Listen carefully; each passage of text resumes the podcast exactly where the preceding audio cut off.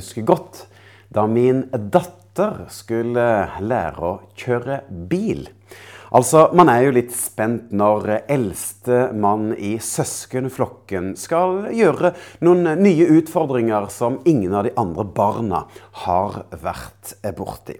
Nå skulle altså Rebekka lære å kjøre bil for første gang. Og hun satte seg inn i, på førersiden og var klar til å trille av gårde.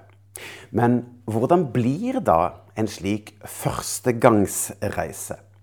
For vanlige nybegynnerfeil når man skal kjøre bil, er plassering i veibanen.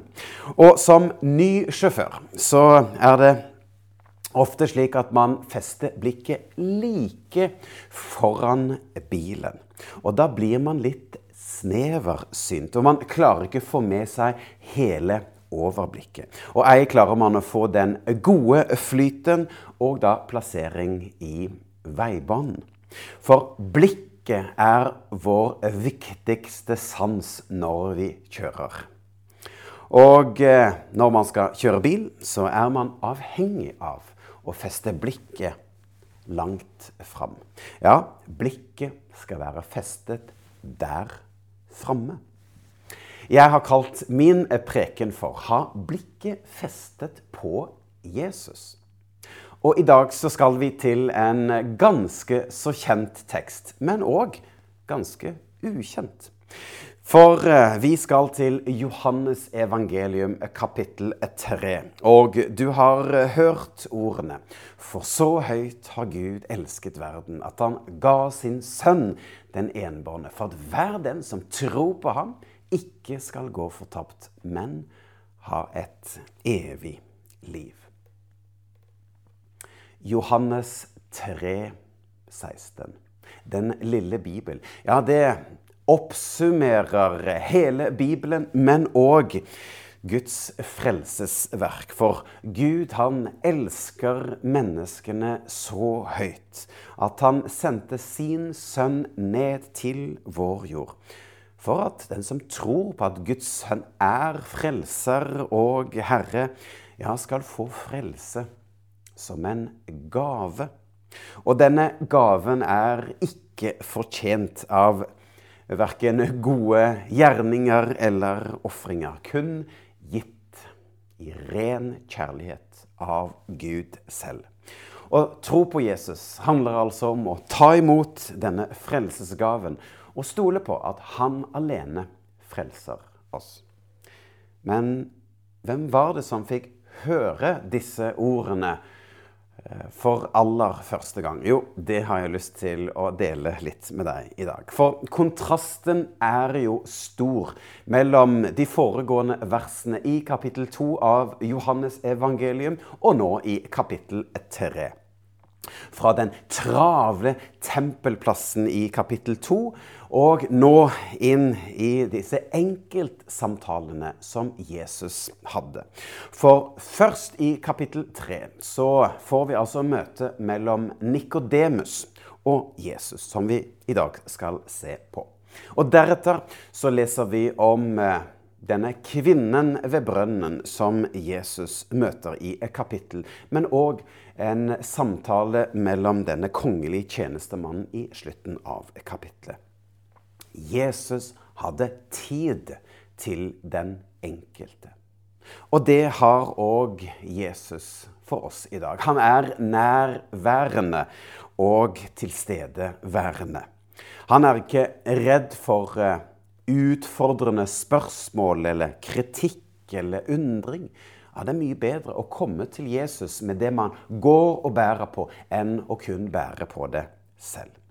Og Nikodemus var en som turde å komme til Jesus med sine spørsmål. Det var sent på kvelden. Ja, det var mørkt. Og Bibelen sier at det var natt. Og hvorfor Nikodemus oppsøkte Jesus på nattestid, er ukjent. Ja, Det kan være flere forklaringer. Man kan tenke seg at det kun er en historisk observasjon. Man kan òg tenke seg at det var for å unngå oppmerksomhet i det offentlige rom, og det å bli assosiert med en ja, ukjent helbreder og forkynner fra Galilea. Og kanskje var det slik at Nikodemus ikke turde å vise sin nysgjerrighet overfor Jesus i det offentlige. Noen bibelforskere de har observert at hver gang Nikodemus bruker ordet 'natt', så kobles det til moralsk eller åndelig mørke. Men det som likevel er sikkert, det er at denne natten så får da Nikodemus Jesus helt for seg selv. Og får en privat samtale med mesteren. Så la oss lese litt mer av det som skjer i Johannes kapittel 3.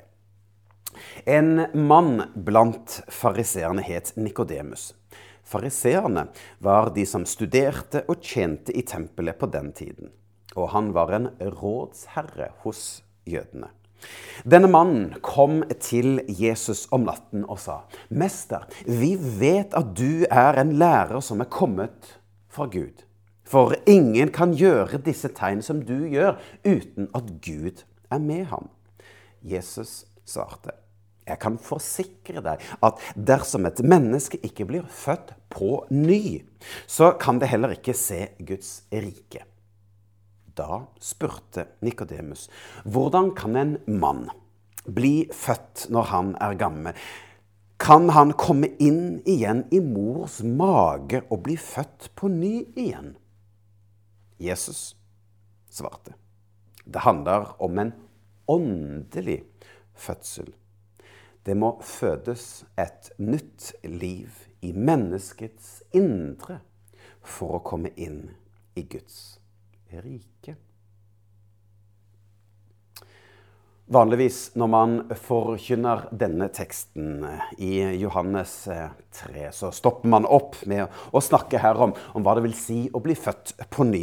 For å bli født på ny, det handler om å ta imot Jesus som Herre og Frelser. Altså det å bli en kristen. Det skapes altså en, inn, eh, en indre åndelig fornyelse i sitt hjerte. Men jeg har lyst til å gå videre i teksten og heller stoppe opp ved et annet vers. For Nikodemus undrer seg over det som Jesus sier. Og derfor så spør han ja, men hvordan kan da dette skje?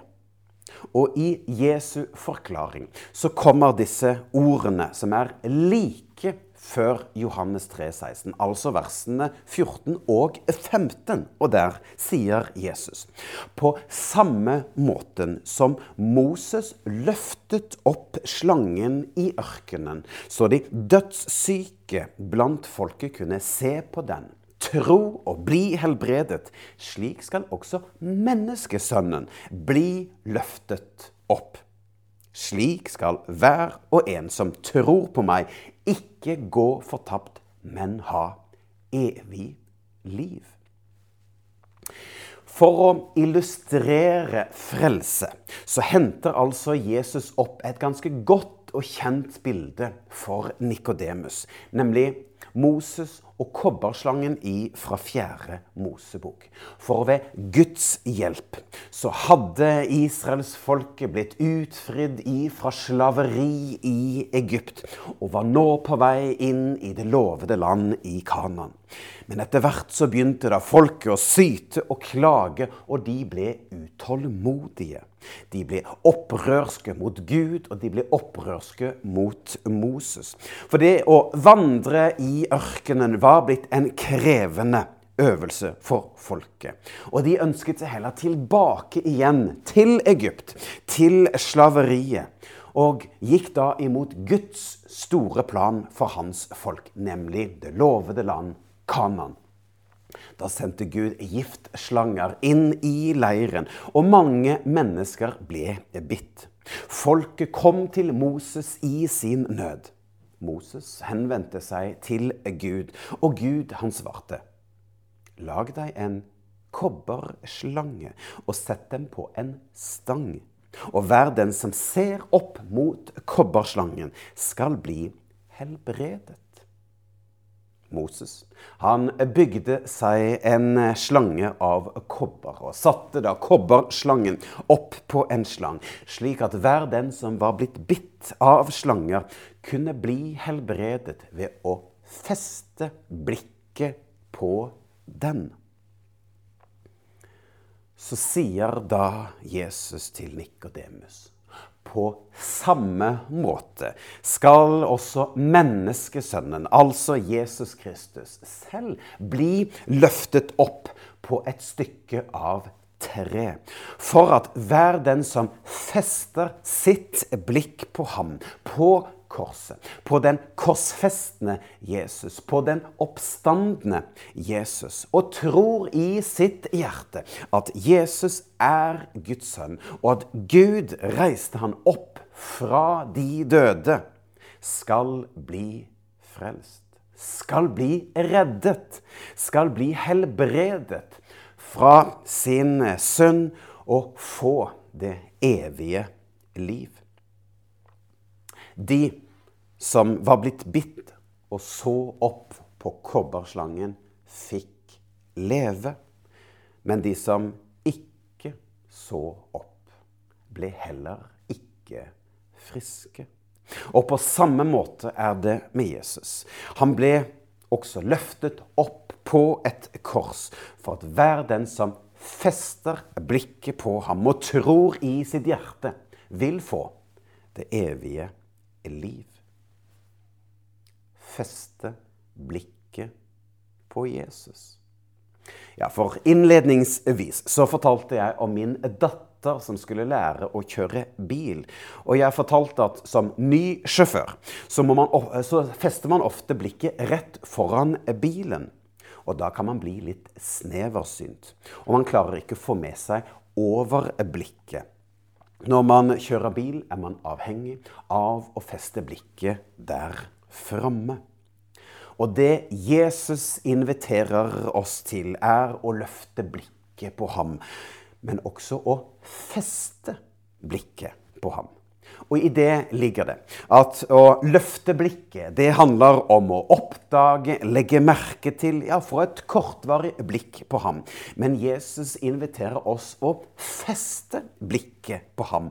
Se på ham, tro på ham, stole på ham, velge ham. Velge å tro at han er den korsfestede og den oppstandende frelser. For Jesus kom ikke til verden for å dømme verden Hovedhensikten det var å kunne bringe frelse, håp, liv, nåde og lys. Og det er akkurat det Jesus selv sier i Johannes 3, 16, men òg i vers 17. For Jesus han sier, for Gud sendte ikke sin sønn til verden for å dømme verden, men for å redde verdens mennesker. Den som velger å tro på ham, kommer ikke til å bli dømt. Men den som ikke tror på ham, har allerede en dom som venter, fordi han valgte å ikke tro på Guds eneste sønn. Disse menneskene har ikke skjønt at redningen ligger i troen på Jesu navn. Redningen ligger i troen på Jesu navn. Altså, vår redning ligger i Jesus. Livet Håpet, fellesskapet, tryggheten, nåden, lyset og frelsen ligger i Jesus. Og du kan få dette ved å feste blikket på Jesus og si Ja, jeg tror på deg. Ja, jeg tror på deg. Og Bibelen sier at Gud viste sin kjærlighet til oss ved å sende sin sønn til verden. Det gjorde han for at vi skulle få liv på grunn av ham. Du er elsket av Gud. Du er villet av Gud. Du er skapt med en hensikt. Du er invitert til å være hans barn. Du er invitert til å leve i fellesskap med vår Frelser og Herre. Og hos Gud så finnes det en himmel over livet. Og du kan få leve under Guds omsluttende vinger. Fest ditt blikk på Jesus. Det var nettopp det røveren på korset gjorde. For Bibelen forteller jo om disse to kriminelle som ble korsfestet ved siden av Jesus. Og den ene talte Jesus midt imot, mens den andre valgte å løfte blikket og feste blikket på Jesus. Ja, la oss lese hvordan Lukas beskriver hendelsen. En av forbryterne som hang der, sa hånlig til Jesus. Hvis du virkelig er Messias, så redd deg selv og oss. Men den andre forbryteren irettesatte ham og sa, har du ikke engang respekt for Gud nå som du skal dø? Vi har fått den straff vi fortjener etter det gale vi har gjort. Men han har ikke gjort noe galt.